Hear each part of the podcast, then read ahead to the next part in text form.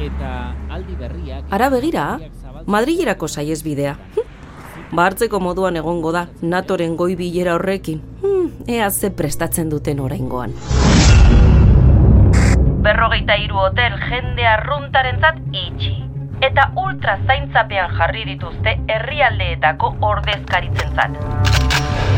Posteun metroko perimetroa autorik gabe.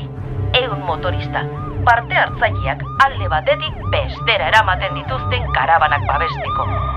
Hainbat eta hainbat kale moztuta hiri osoan zehar, ziako eta auskalo nongo agenteak izkina bakoitzean. Gutxi gora bera, hogeita mazazpi milioiko aurre kontua, eta bi egun. Bi egun, terraza kutsik. Bueno, dirutza horretatik zerbait gordeko zuten arratsalde erdian kainaren bat edo beste hartzeko. Ez dago leku oberik bizi-bizi eztabaidatzeko demokraziaren eta askatasunaren defentsaz. Gainera, inguru guztia itxita egongo denez, ez dute inor molestatuko. Ez dut uste oiuak Sahararaino iritsiko direnik. Hor zehar esaten denez, defentsaz ari direnean, leporaino armatzeaz ari dira. Hor dagoko inbertsioak egiteaz armamentu berriak garatzeko. Baita armamentu nuklearra ere. Hmm, hori bai estrategia ona. Edo askatasuna eta demokrazia errespetatzen dituzu, edo botoi gorria.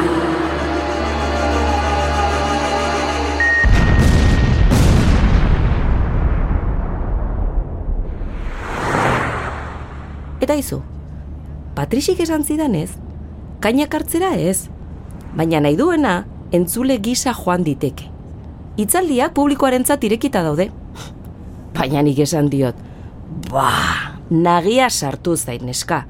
Guk, guk gehiago merezi dugu. Koibilera batera joatekotan, Biden eta konpainia kontrolatzen dituzten multinazional horietako baten batzarrera joan beharko genuke. Gobernu ibarre egiten dieten petrolio enpresen batzarrera, parrastadako irabaziak dituzten enpresa elektrikoen bilerara. Horiek bai jakin, horiek bai kontrolatu. Ziur naiz, horiek goi bilerak irla paradisiako batean egiten dituztela. Gure mailatik gertuago. Ze arraio, hobe da ikiri bat, kaina bat baino. All the gates are lit. Oh, this is very